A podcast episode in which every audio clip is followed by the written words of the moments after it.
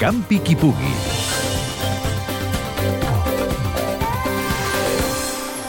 Els organitzadors de la caminada de Sant Martí de Centelles preveuen tenir prop de 1.200 participants en l'edició d'enguany.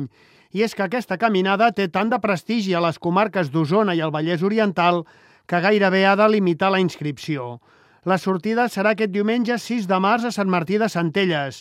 Ramon Mates és vicepresident del comitè organitzador. Aquest any es fa tota pel, pel Parc del Montseny. Eh, la sortida és a les 7 del matí, de les 7 a dos quarts de 9, és aproximadament d'uns 21 quilòmetres, aproximadament. Es puja al Tagamanent, eh, a continuació anem del Tagamanent anem cap a, cap al Vallit, del Vallit es travessa cap a, cap a la Figuera, cap a la Codina, i de la Codina ja cap a Aigua Freda, i és tot.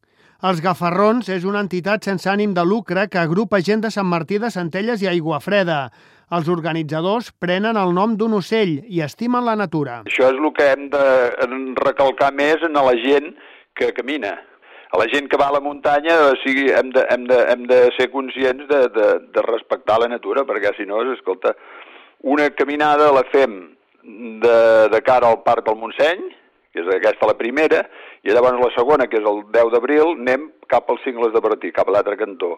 I cap any fem el mateix, el mateix recorregut. L'entitat col·labora en altres iniciatives culturals, esportives i socials. El 98 Varen començar a fer la caminada conjuntament amb aigua freda i doncs llavors fem això, dos caminades a l'any. I llavors fem una caminada nocturna per la festa major de Sant Martí, que és per Sant Jaume. Eh, després ens col·laborem, muntem una altra caminada que és a benefici dels malalts mentals de la comarca d'Osona.